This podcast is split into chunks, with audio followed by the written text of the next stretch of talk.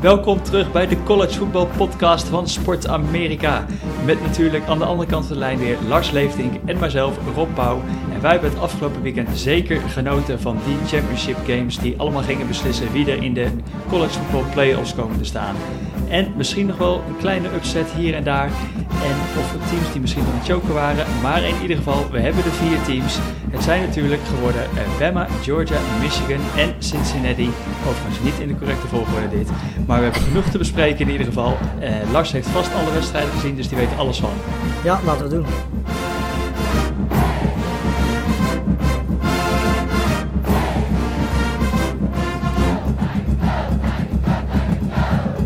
Want het was een mooi weekendje voor college voetbal. Natuurlijk ondertussen draaide ook die coaching carousel, die draaide gewoon weer door. We weten wie de Heisman finalisten zijn.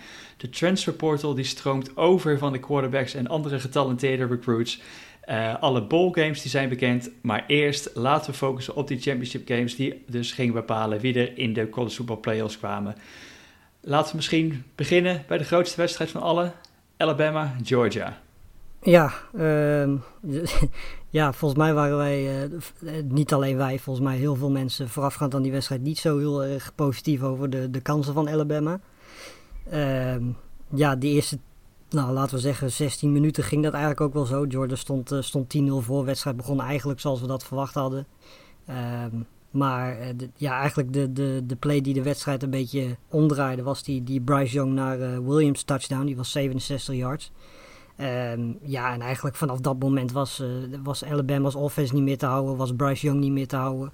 Uh, Georgia wist niet wat het overkwam. Uh, er zat nog wel een touchdown van Georgia tussen, maar ja, zeker in de tweede helft.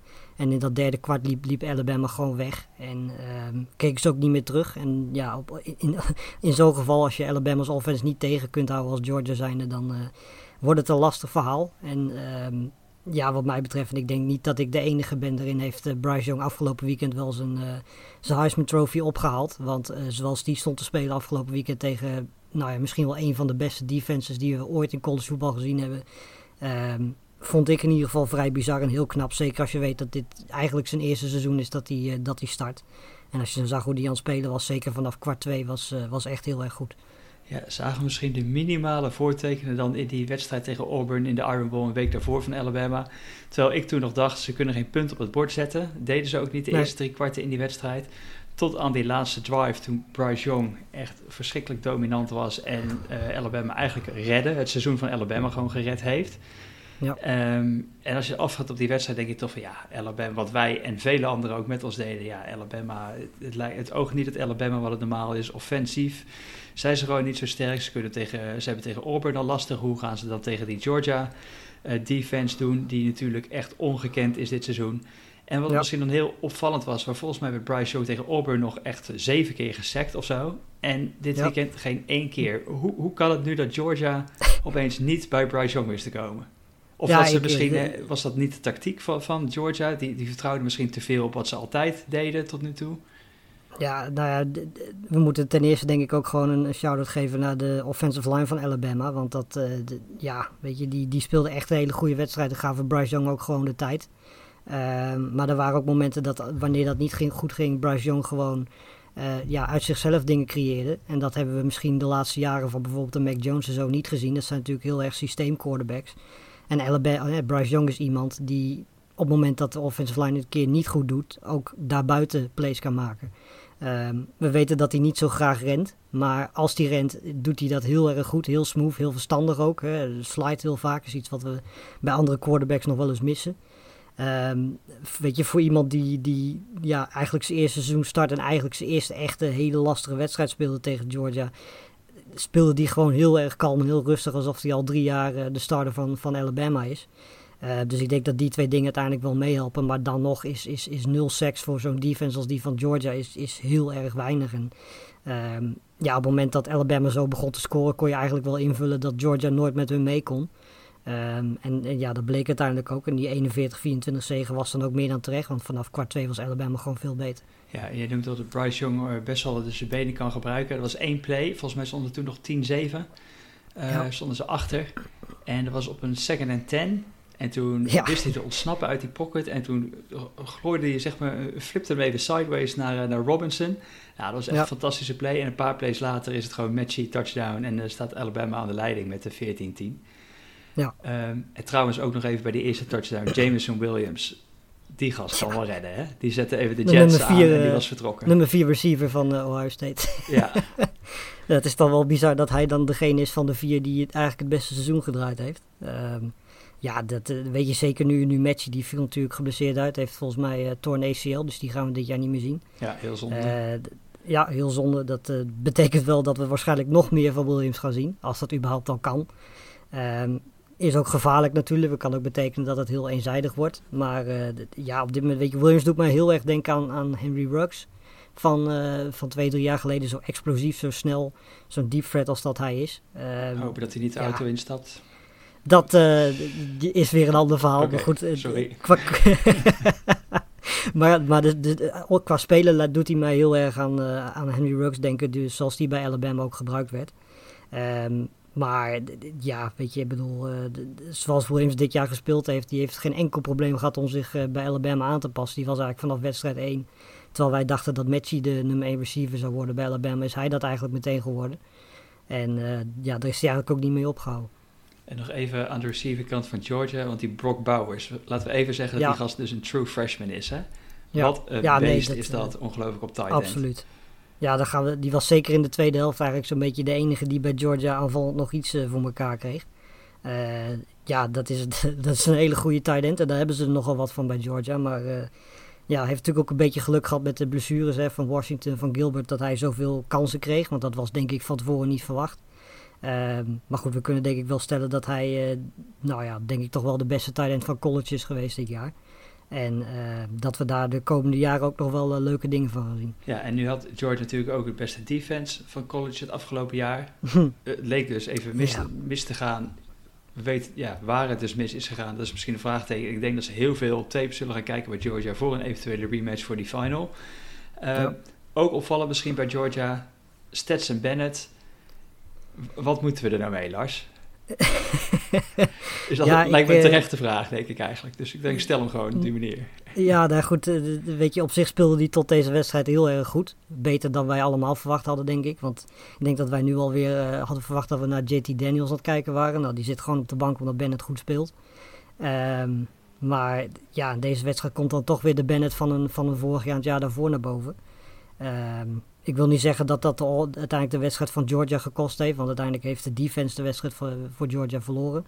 Maar um, ja, weet je, twee interceptions, een paar ballen die je toch normaal gesproken eigenlijk al dit hele seizoen al wel raak gooit, die hij nu niet raakt. Dat uh, ja, zijn dingen die je tegen Alabama niet kunt doen, want dan wordt dat gewoon afgestraft.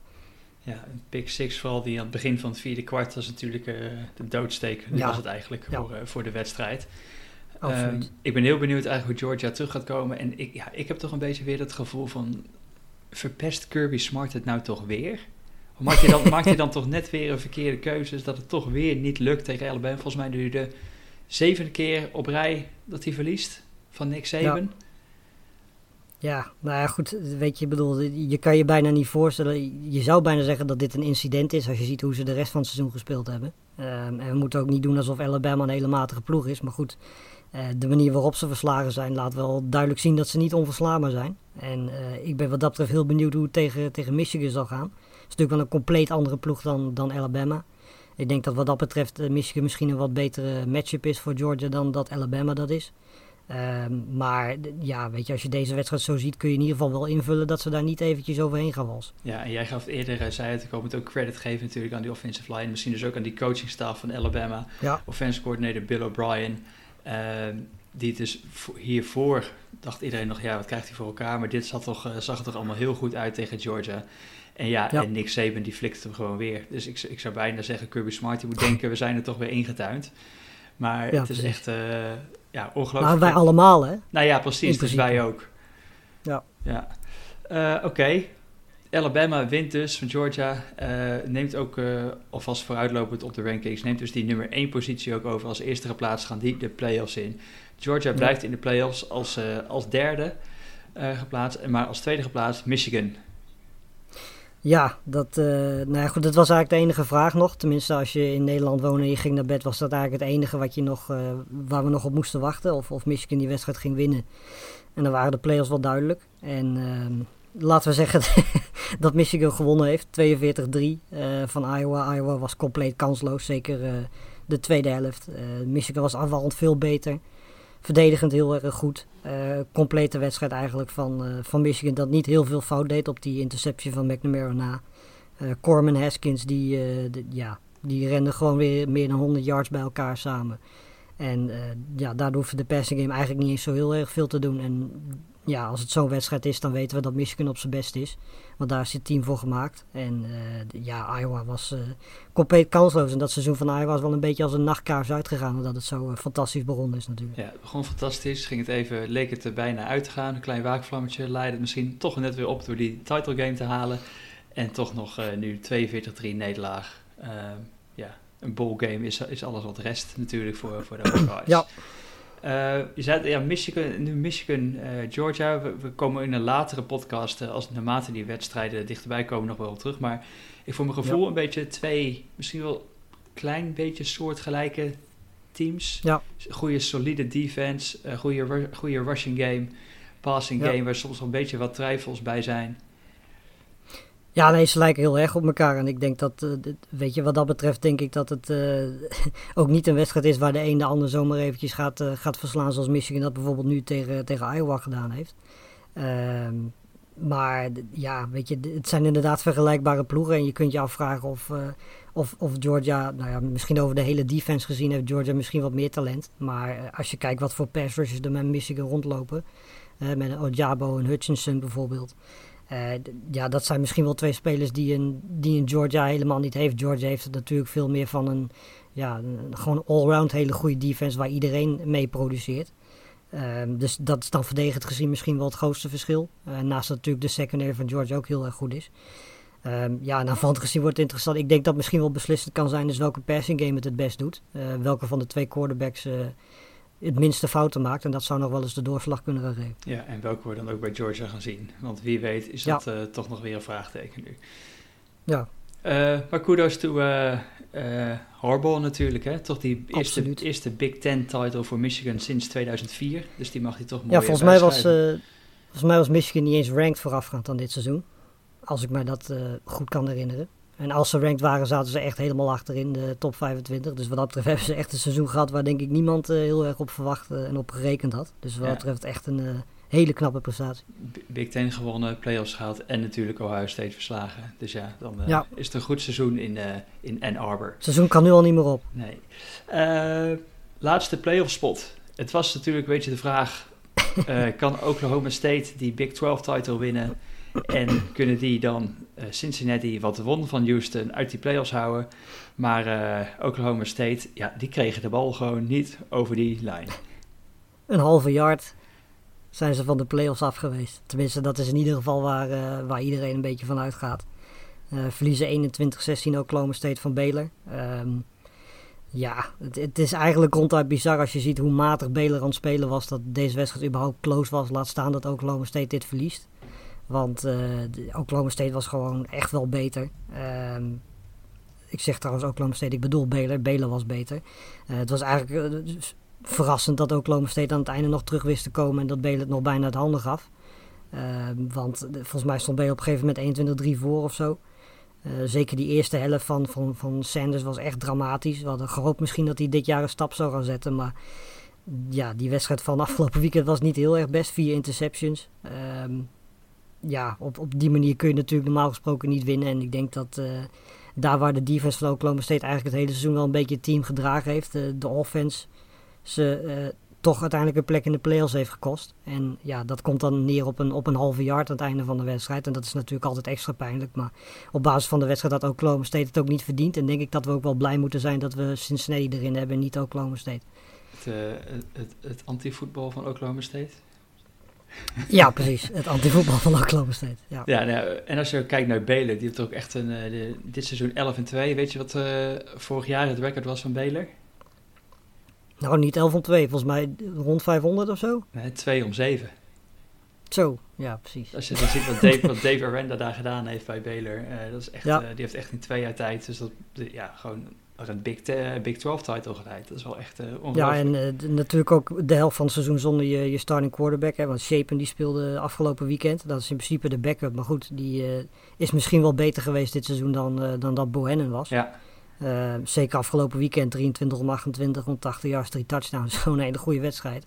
Uh, tegen een hele goede defense. Dus ja, weet je, wat dat betreft uh, geeft dat ook wel aan dat, dat, dat inderdaad de coaching daar heel erg goed zit. En als je van 2 om 9 naar zo'n seizoen gaat waarin de Big 12 wint. En laten we ook wel wezen, als zij niet tegen TCU verloren hadden, hadden ze waarschijnlijk nu in de playoffs gestaan. Ja, ja dat is een hele zure nederlaag geweest daar aan het begin. Precies, ja. Uh, Oké, okay, maar wie er dus wel in de playoffs staat, het sprookje is compleet. Cincinnati het kan dus toch. als group of five teams. ze hebben wat hulp gekregen hier en daar. Hadden ze natuurlijk ook nodig. Uh, het leek nog spannend te worden in die wedstrijd met Houston. 14-13 bij rust, maar uiteindelijk de Bearcats winnen 35-20 van Houston. Ongeslagen dit seizoen, 13-0. En als beloning een plek in de college football playoff. Vierde gerankt tegen Alabama. Ja, nou ja, goed. Uh, vooral die tweede helft tegen, tegen Houston was goed, want inderdaad de eerste helft ging vrij moeizaam. Maar uh, ja, ik denk dat Cincinnati, als je kijkt naar de manier waarop ze het merendeel van de wedstrijden uh, en ook de sterkste tegenstanders verslagen hebben, dat ze ook een Notre Dame verslagen hebben. Um, ze hebben inderdaad wel heel veel hulp nodig gehad. Want ja, er zijn natuurlijk heel veel teams die die kans hebben laten liggen. Zoals een Ohio State. Nou, Clemson, dat is, is natuurlijk weggevallen. Oklahoma State die op een halve yard na niet wint.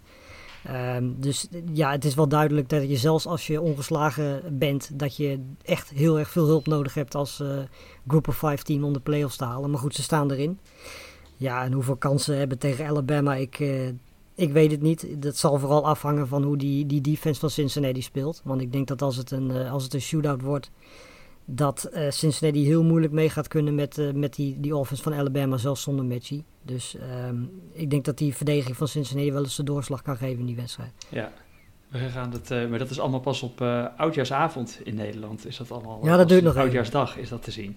Dus dat duurt ja, nog even. De Cincinnati Alabama is om, volgens mij om half tien. En die andere wedstrijd Michigan Georgia is om twee uur s'nachts, volgens mij. Ja, lekker toch? Ben je net een paar van lekker uitbuiken van al die oliebollen? Ja, zeker, precies. Gewoon, gewoon doen. Gewoon Michigan Georgia kijk, aanzetten op twee uur. Heerlijk. Heerlijk. Niks uh, mis mee. Oké, okay, laten we even snel die andere title championship games erbij pakken. Want de ACC, uh, Pitt, Wake Forest, uh, 45-21 ja. overwinning voor Pitt. Verdiende kampioen, denk ja. ik, voor de ACC dit jaar. Ja, zeker. Wake Forest kon een helftje mee. In de, de tweede helft zagen we inderdaad het verschil wat we vorige week ook al aangekaart hebben. Dat Pittsburgh's defense een stuk beter is dan die van Wake Forest. En dat Wake Forest eigenlijk een shootout nodig had om, uh, om deze wedstrijd spannend te houden. En dat, ja, dat lukte niet. En als Hartman dan ook nog eens een keer vier interceptions scoort voor Wake Forest, dan, uh, ja, dan is Pittsburgh gewoon het betere team. En uh, de, ik denk dat deze wedstrijd er ook wel voor gezorgd heeft dat Pickett uiteindelijk, en daar komen we straks nog wel op, in de, in de Heisman Trophy kandidaten, of erbij zit, moet ik beter zeggen. Ja, bij de finalist. andere ja. title game die al een dag eerder op het programma stond, Utah-Oregon. Tweede keer in, wat is het, drie weken tijd maakte ja. Utah eigenlijk licht werk van Oregon. Wederom 38-10 was het deze keer. Ja, nou ja, goed. Uh, ja, we hadden volgens mij gezegd vorige week dat het uh, normaal gesproken niet weer zo'n grote overwinning zou kunnen zijn, omdat Oregon te veel kwaliteit daarvoor heeft. Maar blijkbaar uh, ja, valt het met die kwaliteit allemaal wel mee. Het wordt eigenlijk steeds bijzonderder om te weten dat Ohio State van dit Oregon verloren heeft. Als je ziet hoe Utah dat voor elkaar krijgt om ze twee keer zo te verslaan. Maar nee, ja, Brown speelt een dramatische wedstrijd voor Oregon. Um, en ik heb ook een beetje het idee, nu we weten dat er een paar coaches daar weg zijn gegaan, dat er misschien wel wat andere dingen speelden al, dat ze een beetje afgeleid waren. Want uh, ja, zowel, daar komen straks nog wel op, maar zowel de headcoach als de offensive coordinator van Oregon zijn weg. Um, en ik kan me niet voorstellen dat dat iets is wat meteen pas na de, de, de ballgame echt is gaan spelen. Of na die, uh, na die championship game. Dus ik denk dat ook spelers daar, daarvoor al wel wisten dat er wat tussen met die twee gaande was. En dat dat misschien toch een beetje voor, uh, voor afleiding heeft gezorgd. Ja, dat was misschien uh, denk ik vlak voor. Uh, je doelt natuurlijk op Mario Cristobal. Die wordt de nieuwe headcoach ja. van Miami. Ook op een hele bizarre manier dat dat gegaan is. maar goed, Oregon verliest dus van Utah in twee duels bij opgeteld met 76-17 binnen, binnen ja. twee weken tijd, eigenlijk 15 dagen of zo. Dat is natuurlijk echt... Uh, dat is niet best. Dat is echt niet best. Uh, maar gefeliciteerd aan de, aan de Utah Utes. Uh, Pac-12 champion dit seizoen. Geen play-off spot, maar de rest een mooie ballgame tegen, tegen Ohio State. Kijken of ze hetzelfde kunnen doen als, als Oregon. Ja. ja, laten we inderdaad toch maar even meteen naar die coaches gaan. Mario Cristobal, zei dus al, coach van Oregon, vertrekt. Kreeg een aanbod van Miami. Nou is de situatie bij Miami dat de athletic director, die was daar ontslagen. En normaal gesproken is het natuurlijk zo dat een, een, eindelijk wordt een nieuwe athletic director aangesteld die op zoek gaat naar een nieuwe headcoach voor zijn voetbalteam als hij een nieuwe headcoach nodig heeft. Want Manny Diaz is natuurlijk gewoon de coach bij uh, Miami. Heeft een lastig seizoen gehad, kreeg het daarna toch een beetje op de rit. Uh, jonge quarterback, ook uh, Tyler Van Dyke, die die, die, die goed liet spelen. Ja. Zag er misschien toch wel, begon er iets beter uit te zien richting volgend jaar. Maar terwijl Manny Diaz gewoon nog de coach was van Miami en gewoon nog lekker aan het recruiten was voor Miami, uh, werd er gewoon een, een miljoenenoffer neergelegd voor Mario Cristobal, die heel veel familie heeft in Miami. Uh, volgens mij schijnt zijn moeder, die schijnt ook uh, ziek te zijn en die wat familiedingen waardoor hij misschien wel graag terug zou willen naar Miami. Volgens mij heeft hij daar gestudeerd. En hij heeft hem niet onbelangrijk een paar vrienden die daar biljonair zijn. En die, die zeiden, weet je wat, wij gooien er wel wat geld tegenaan als we Mario Cristobal hierheen gaan halen. Kortom, Mario Cristobal zei vlak na die wedstrijd tegen Oregon, jongens, uh, of van Oregon, jongens, ik ben vertrokken naar Miami. En Manny Diaz wist op dat moment van, oh, dan moet ik blijkbaar een nieuwe baan gaan zoeken. Zo gaat het. Ja, ja bizar. Dus weet je, op zich is, heeft, heeft Diaz dat eigenlijk ook niet heel erg verdiend. Want als je kijkt, weet je, bedoel, het is nu zoveelste seizoen uh, dat hij het zonder Dier King moest doen, die natuurlijk weer geblesseerd raakte.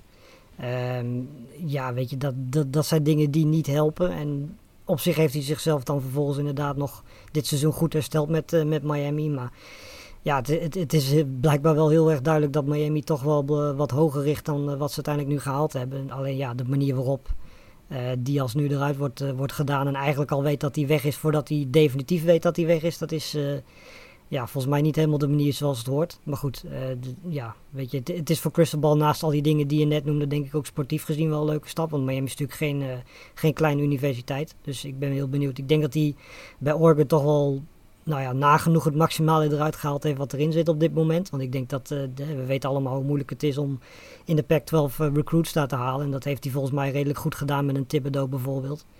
Ehm, ja, veel meer en veel hoger dan dat denk ik dat je in de Pac-12 op dit moment ook niet kunt halen. En als je al die dingen dan, die jij net noemt, er nog bij optelt, dan is dit uh, voor hem denk ik een hele logische en ook sportief gezien interessante stap. Want bij Miami is het talent aanwezig genoeg natuurlijk. Ja, ik heb altijd een beetje, misschien klopt de vergelijking niet, maar ik heb altijd een beetje het idee van Cristobal en, en Kirby Smart. Hele goede recruiters allebei.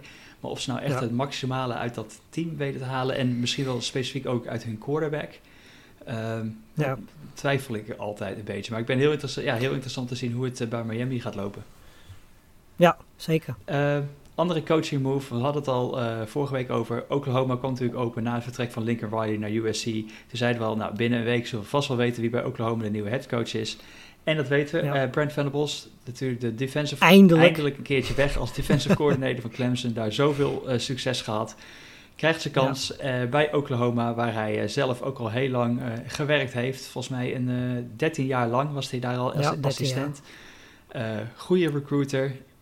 Um, en ik denk ook vooral natuurlijk met zijn kennis van de defense, zijn specialiteit, dat het misschien ook wel iets wat nodig is bij Oklahoma als zij richting die SEC gaan. Ja, ja, zeker. Want het is, nou ja, het is natuurlijk niet zo, überhaupt niet alleen het ding van Oklahoma. Het is natuurlijk iets van de Big 12 überhaupt dat daar amper tot geen defense wordt gespeeld op uh, dit jaar Oklahoma State en Belen Nadal.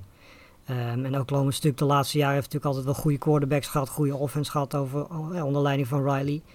Um, maar verdedigend gezien is het altijd heel matig of shaky geweest. Deze, dit seizoen is stil wisselvallig geweest. Ja, en Venables heeft natuurlijk jaar in jaar uit, uh, wie er ook wegging bij Clemson, een hele goede defense neergezet.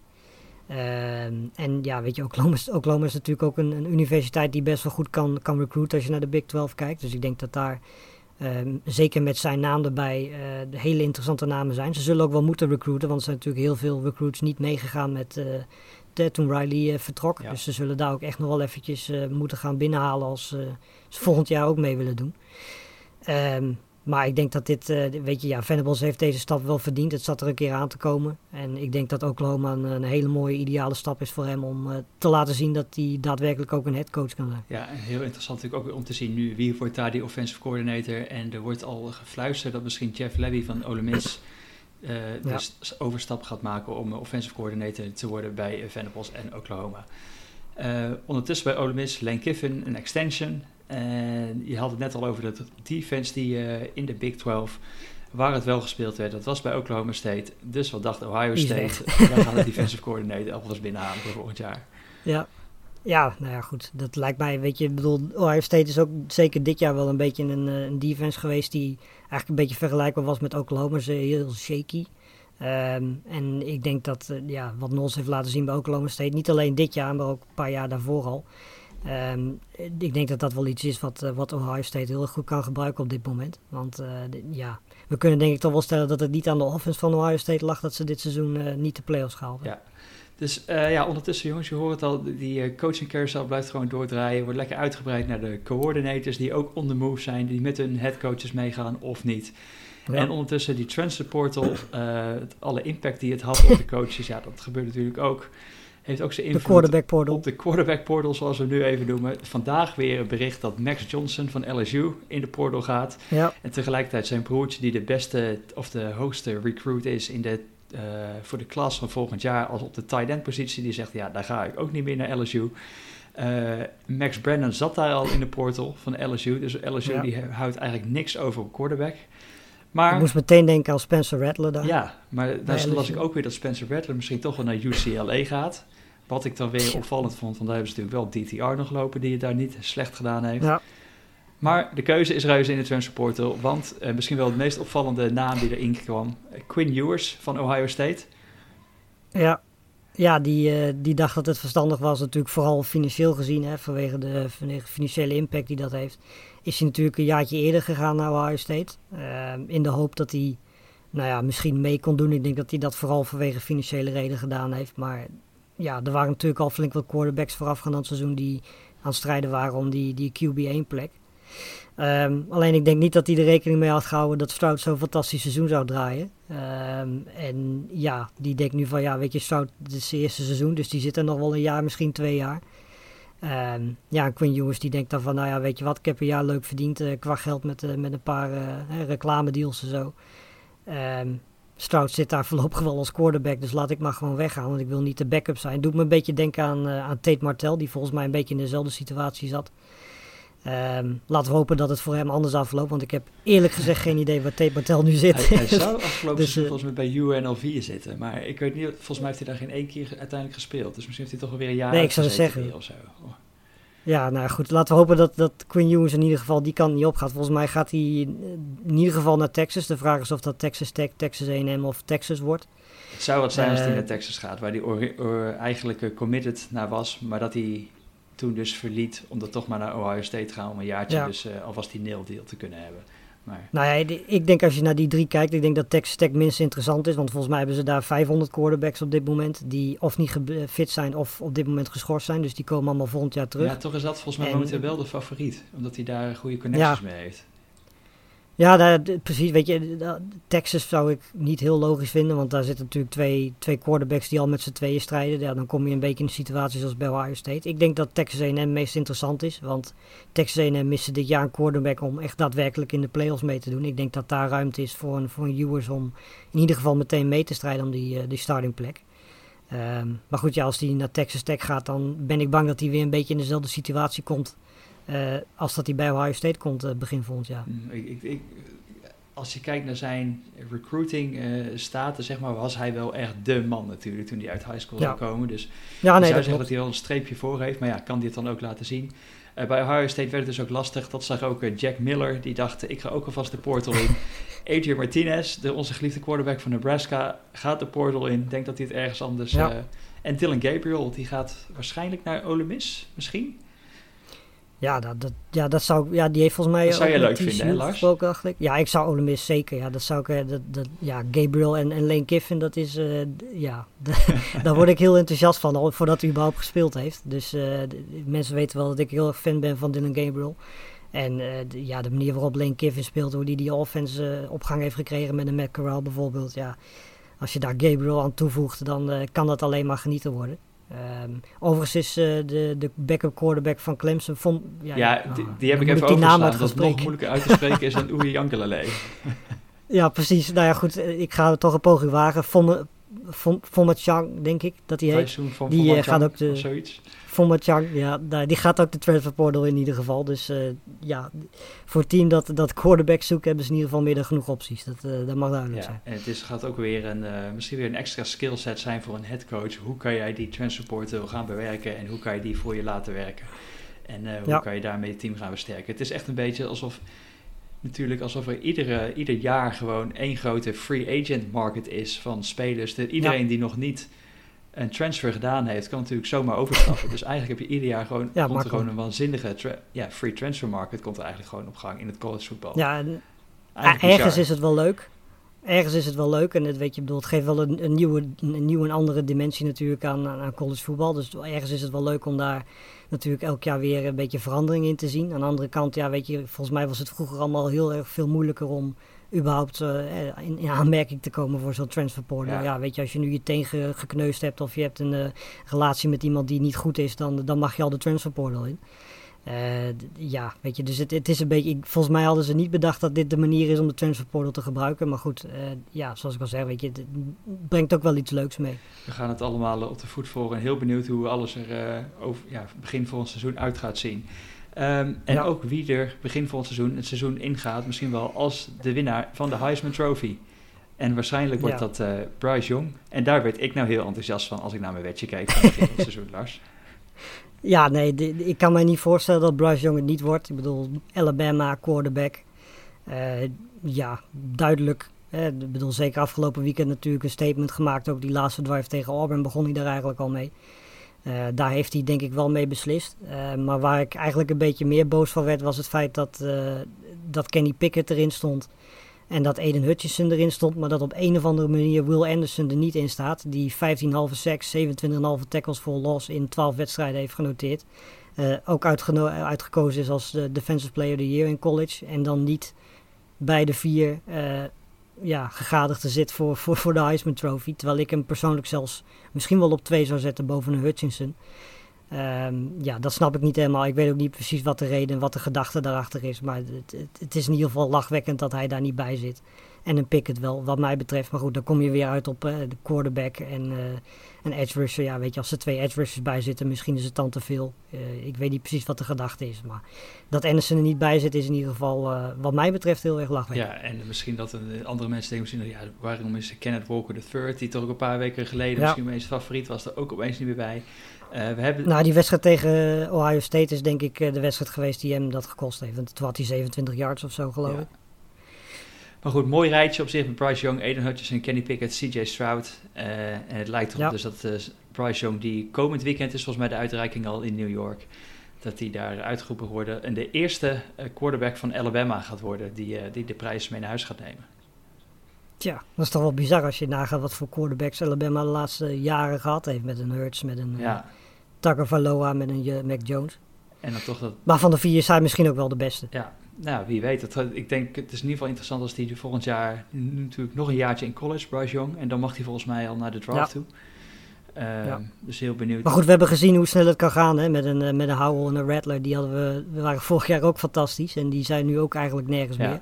Zeker Rattler niet natuurlijk. Dus uh, het kan hard gaan. Maar goed, ja, weet je, het systeem van Alabama zit normaal gesproken zo goed in elkaar dat dat uh, bij Bryce Young waarschijnlijk wel niet gaat gebeuren. Ook omdat hij gewoon heel veel talent ja, heeft. Als we, zien, als we hem hebben zien spelen, vooral die laatste wedstrijden, kan je bijna niet voorstellen dat, hij, dat er zoiets... Nee, precies. Het wordt alleen maar beter. Oké, okay, heel... Uh, College Football Players waren bekend. Natuurlijk ook de bowl games zijn allemaal bekend. Uh, de ja. bowl games die gaan starten vrijdag 17, Volgende week. Vrijdag 17 december. En natuurlijk ja. hebben we dan weer alle prachtige gesponsorde bowls. Met de namen die ze allemaal hebben. Lars, heb jij gezien dat er een Jimmy Kimmel LA Bowl is? Nee, dat heb ik niet gezien. Schijnbaar sponsort Jimmy Kimmel dus een van de bowlwedstrijden. Utah State tegen Oregon State gaat dat worden. Ik wou hem even genoemd hebben. Uh, zijn er voor jou Bizar. bowl games die er, uh, behalve de New Year's Six Bowls, uh, die er uitspringen van mooie matchups? Um, ik neig dan, even kijken, wat ja, het is natuurlijk, even kijken wat wel en wat niet New York Six. Uh, nou, ik vind uh, op zich, even kijken, NC State UCLA vind ik wel een leuke. Ik denk dat, uh, de, dat we daar heel veel offense gaan zien. We hebben natuurlijk UCLA de hele seizoen al heel veel punten zien scoren. En NC State heeft een goede quarterback, goede offense. Dus ik denk dat dat wel een hele leuke wedstrijd is. Helaas is die s'nachts, maar goed. 29 december. Okay. Dinsdag op woensdag, twee uur s'nachts. En verder dus, ja, moet ik heel eerlijk zeggen dat ik als ik buiten de New York Six games kijk, dat ik niet extreem enthousiast word. Um, SMU Virginia is ook nog wel een wedstrijd waar je veel offense kunt zien, denk ik. Maar het probleem is natuurlijk ook dat heel veel universiteiten, daar gaat natuurlijk ook, uh, we weten al dat een Thibodeau, die heeft al, die heeft al gezegd dat hij de draft in gaat, die gaat waarschijnlijk niet spelen in uh, de New York Six Bowl. Nou, dat ga je bij heel veel teams zien natuurlijk.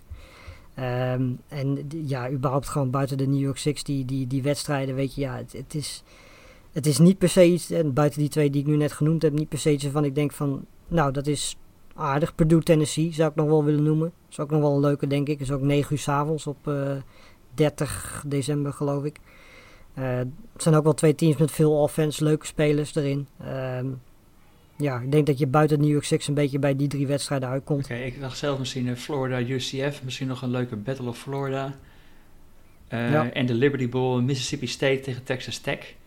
En dat is vooral natuurlijk omdat natuurlijk uh, iedere wedstrijd met de Mike Leach uh, als, als coach vind ik al mooi om te volgen. en vooral omdat ja. dat tegen Texas Tech is, waar hij ooit ontslagen is en nog steeds volgens mij een rechtszaak heeft lopen tegen Texas Tech. Of, dat nu echt, of hij echt ontslagen had mogen worden of niet. De Revenge Bowl. Ja, en Texas Tech wordt nu ook nog ge is gecoacht op dit moment door een voormalig quarterbacker onder Leach. Dus dat is wel een, een, een ja, er ja. zit wel een verhaal achter die game.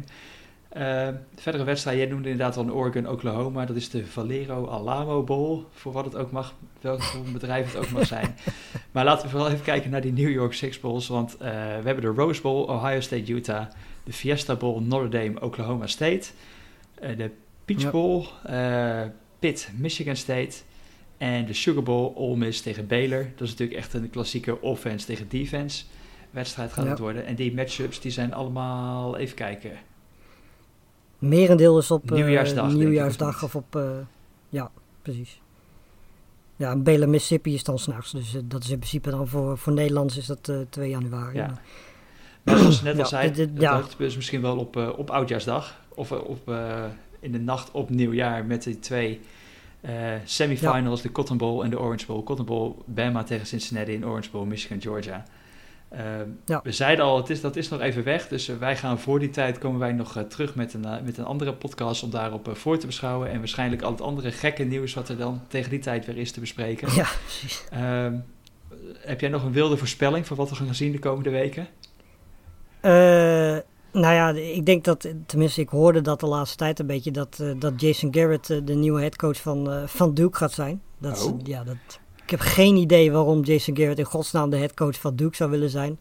Um, zeker als het niet over basketbal gaat. Maar uh, ja, volgens mij zijn, zijn de geruchten dat hij daar in ieder geval de, de, de grootste kandidaat is. Dat de kans groot is dat hij daarheen gaat. Dus als dat gebeurt, zou dat, dat zou voor Duke toch wel denk ik een hele grote aanwinst zijn. Want uh, bedoel, Jason Garrett heeft natuurlijk in, vooral in de NFL wel zijn, uh, zijn strepen verdiend. Um, dus ja, ik zou het bizar vinden als hij daarheen gaat. Want ik heb geen idee wat hij daar te zoeken heeft verder. Maar ja, voor Duke zou het denk ik wel een hele leuke aanwinst zijn als hij daarheen gaat. Oké, okay, en we gaan natuurlijk ook nog kijken wat er nu met die coaching position bij Oregon gaat gebeuren. Uh, volgens mij... Ja, Virginia heeft ook nog een, een nieuwe headcoach nodig, geloof ja, ik. even denken, wie hoorde ik ook weer voor Virginia... Uh, ben ik even kwijt, maar voor, in ieder geval voor Oregon werd wel eens gezegd dat misschien wel eens Chip Kelly misschien wat zou kunnen gaan naar Oregon.